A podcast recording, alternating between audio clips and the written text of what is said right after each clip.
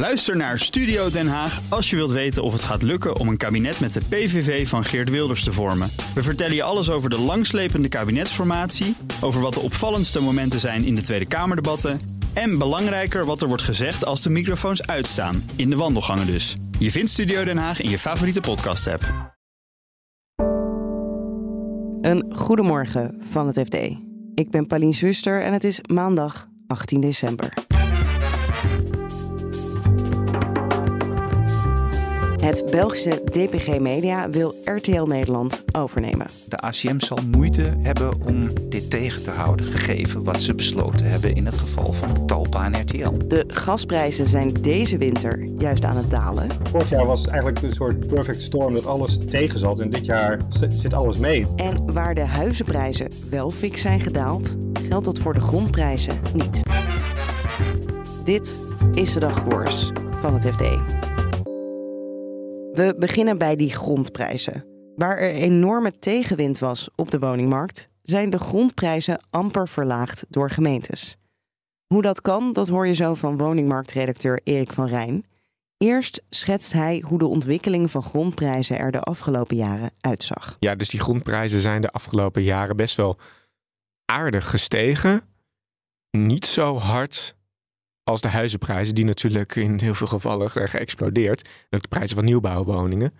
Um, en wat je eigenlijk vaak ziet is dat de grondprijzen die, uh, die gemeenten regelen eigenlijk altijd een afgeleider zijn hè, van, de, van de huizenprijzen. Dus die volgen eigenlijk vaak de, de bewegingen van, uh, van de huizenprijzen. En dat heeft er alles mee te maken dat die grondprijs wordt berekend op een manier die eigenlijk ja, heel kort op de bocht is. Het eigenlijk, je kijkt naar wat komt er op die grond te staan, de nieuwbouwwoning? En wat levert die nieuwbouwwoning op? Wat is die prijs? Minder bouwkosten, minder kosten om die woning uh, te bouwen. Ja. En het verschil daartussen is eigenlijk de waarde van, uh, van de grond voor, uh, voor, de, voor de bouwkavel. De huizenprijzen, nou ja, in de afgelopen periode zijn die ook gedaald. Mm -hmm. Daar zie je dan niet diezelfde daling in de grondprijzen. Nee, dus heel veel gemeenten die hebben dus de, die voorspellen dat ze voor komend jaar nog wel een, een stijging zullen zien in de grondprijzen. Voor het afgelopen jaar was dat uh, 2023 2,1 procent. Um, en dat is toch opvallend, uh, hè, blijkt uit onderzoek van, uh, van Stekgroep. Het is toch opvallend omdat je wel hebt gezien dat die nieuwbouwprijzen van nieuwbouwwoningen het afgelopen jaar wat, zijn, wat zijn gedaald. Die dip hebben we misschien alweer een beetje achter ons gelaten. Maar nog meer tot de verbeelding sprekend is natuurlijk dat die bouwkosten gigantisch gestegen zijn. Dus um, dat zorgt er natuurlijk eigenlijk voor dat er veel meer druk komt op eigenlijk die, die grondprijs. Maar ja, tot nu toe heeft dat bij veel gemeenten nog niet tot een enorme aanpassingen in hun uh, uh, uitgifteprijzen voor de, voor de grond geleid. Hoe komt dat dan? Want uiteindelijk bouwers hebben daar wel om geroepen. Wij kunnen goedkopere woningen bouwen als uh, die grondprijzen omlaag gaan. Ja, bouwers en ontwikkelaars lobbyen daar inderdaad al langer voor. Van, hè, verlaag nou als gemeente die grondprijzen, zeker de, de grotere gemeenten waar de grond vaak duur is, verlaag nou die grondprijzen, want het kan voor ons anders niet meer uit met die gestegen bouwkosten. Kijk, en gemeenten zijn om meerdere redenen best wel terughoudend om dat te doen. Enerzijds is dat omdat ze een soort van eigenlijk altijd de afgelopen jaren met die flink gestegen woningprijzen zijn de grondprijzen ook niet enorm gestegen met diezelfde percentages. Dus andersom is dat, is dat, is dat nu ook niet zo. Ze, ze, ze houden dat liever wat, wat stabieler. Um, maar gemeenten doen het ook niet omdat zij zeggen: ja, wij kunnen de grondprijzen wel verlagen. Maar dat zorgt er niet, lang niet altijd voor, volgens onze mening, dat die woningprijzen daarmee ook omlaag. Dat dat dus leidt tot goedkopere woningen. Het verschil komt eigenlijk min of meer in de zakken van die ontwikkelaar terecht. En daar zitten heel veel gemeenten natuurlijk niet op te wachten. Want dat geld dat op wordt gehaald met die grondaankopen, dat belandt natuurlijk in de, in die publieke pot. En dan kom je eigenlijk bij een volgend argument waarom gemeenten terughoudend zijn met het verlagen van die grondprijzen.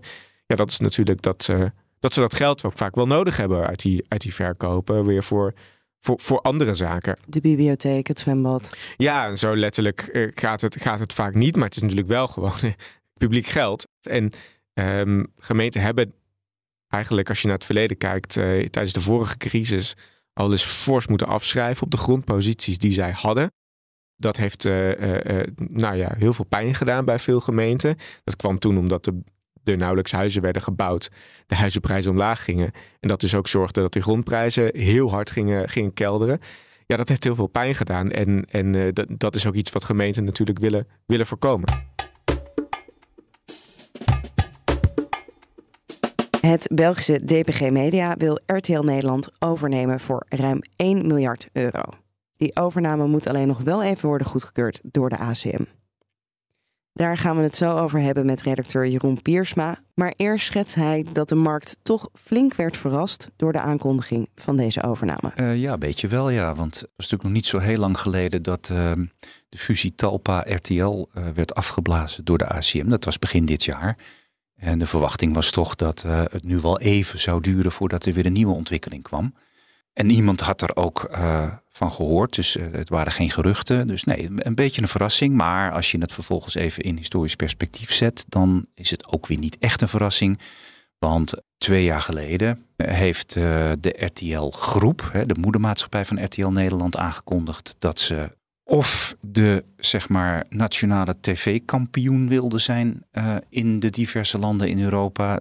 Of als dat niet lukte, hun nationale tv-maatschappij gingen verkopen.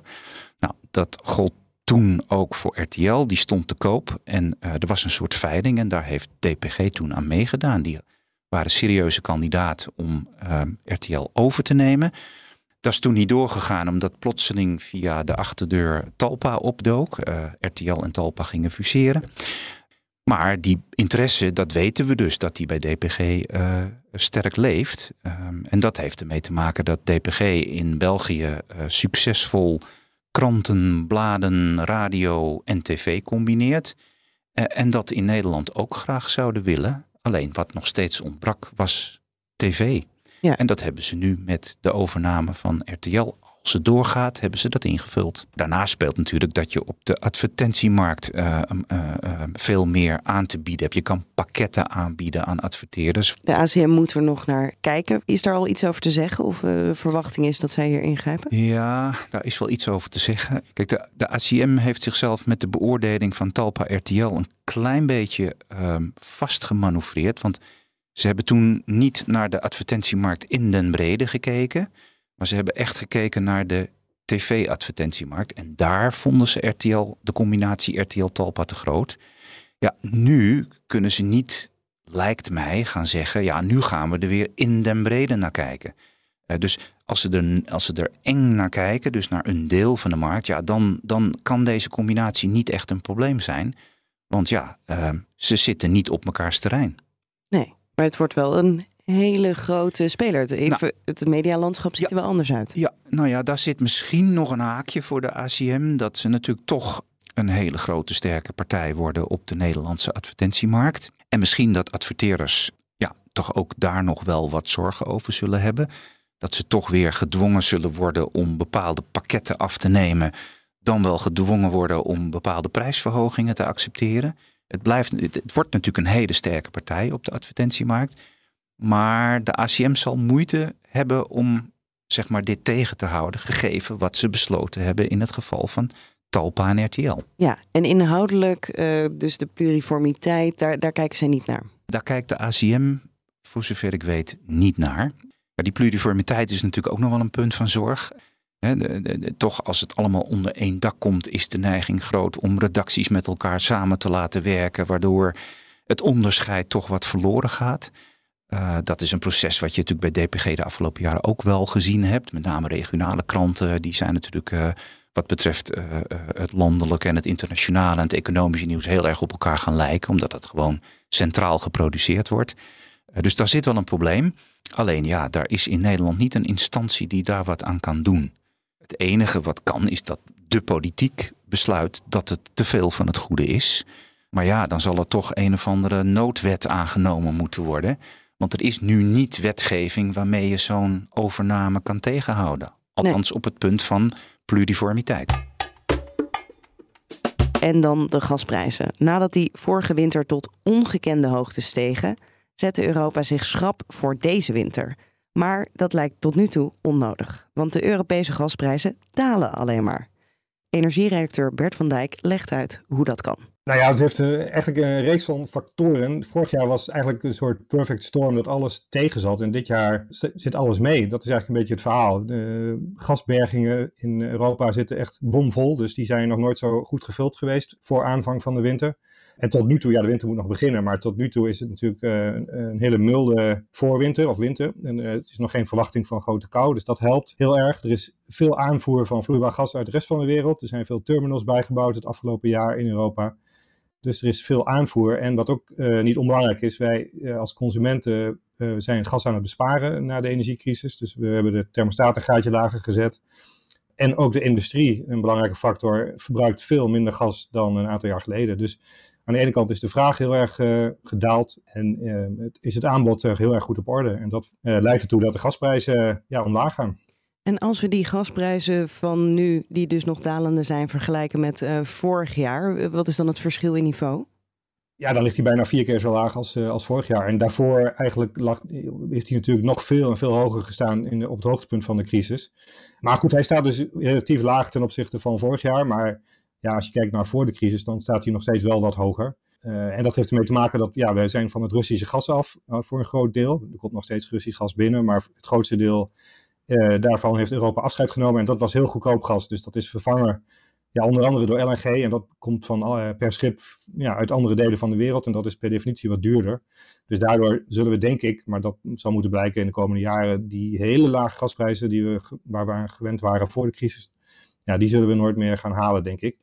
Maar ja, de, de, de chaos van de afgelopen jaren die is nu uh, wel even voorbij. Is dan nu nou ja, definitief weet je natuurlijk nooit. Maar voor een langere tijd de rust teruggekeerd? Of kunnen we nog steeds, als het opeens heel koud wordt, uh, enorme pieken verwachten? Ja, dat kan zeker. Als het nu, ja, ik bedoel, het is nu half december. Als het gewoon uh, januari, februari, maart, als het gewoon uh, steenkoud wordt of er komt echt een, een vorstperiode aan, ja, dan zal dat zeker effect gaan hebben op de prijzen. Maar hoe verder we in deze milde winter doorkomen en de verwachting uitblijft, zal, zal het goed komen. Maar nee, die, die kans is er natuurlijk nog steeds. En er zijn ook kansen of risico's dat er iets mis is met een vloeibare gasterminal ergens in Amerika waar we gas vandaan halen. Daar wil ook nog wel eens wat verstoring op zitten. Dus al die factoren, als die optreden, zal dat wel effect hebben.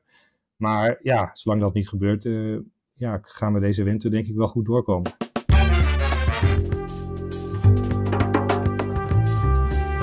Dit was de dagkoers van het FD. Wil je automatisch de nieuwste aflevering binnenkrijgen? Abonneer je dan op Dagkoers in je podcast-app. En wil je het laatste financieel-economisch nieuws volgen? Ga dan naar fd.nl of naar de FD-app. Voor nu een hele fijne dag en graag tot morgen. Ook Diana Matroos vind je in de BNR-app. Ja, inderdaad. Je kunt live naar mij luisteren tijdens de Big Five. Ook handig in de BNR-app. Breaking nieuwsmeldingen, maar ook het allerlaatste zakelijke nieuws.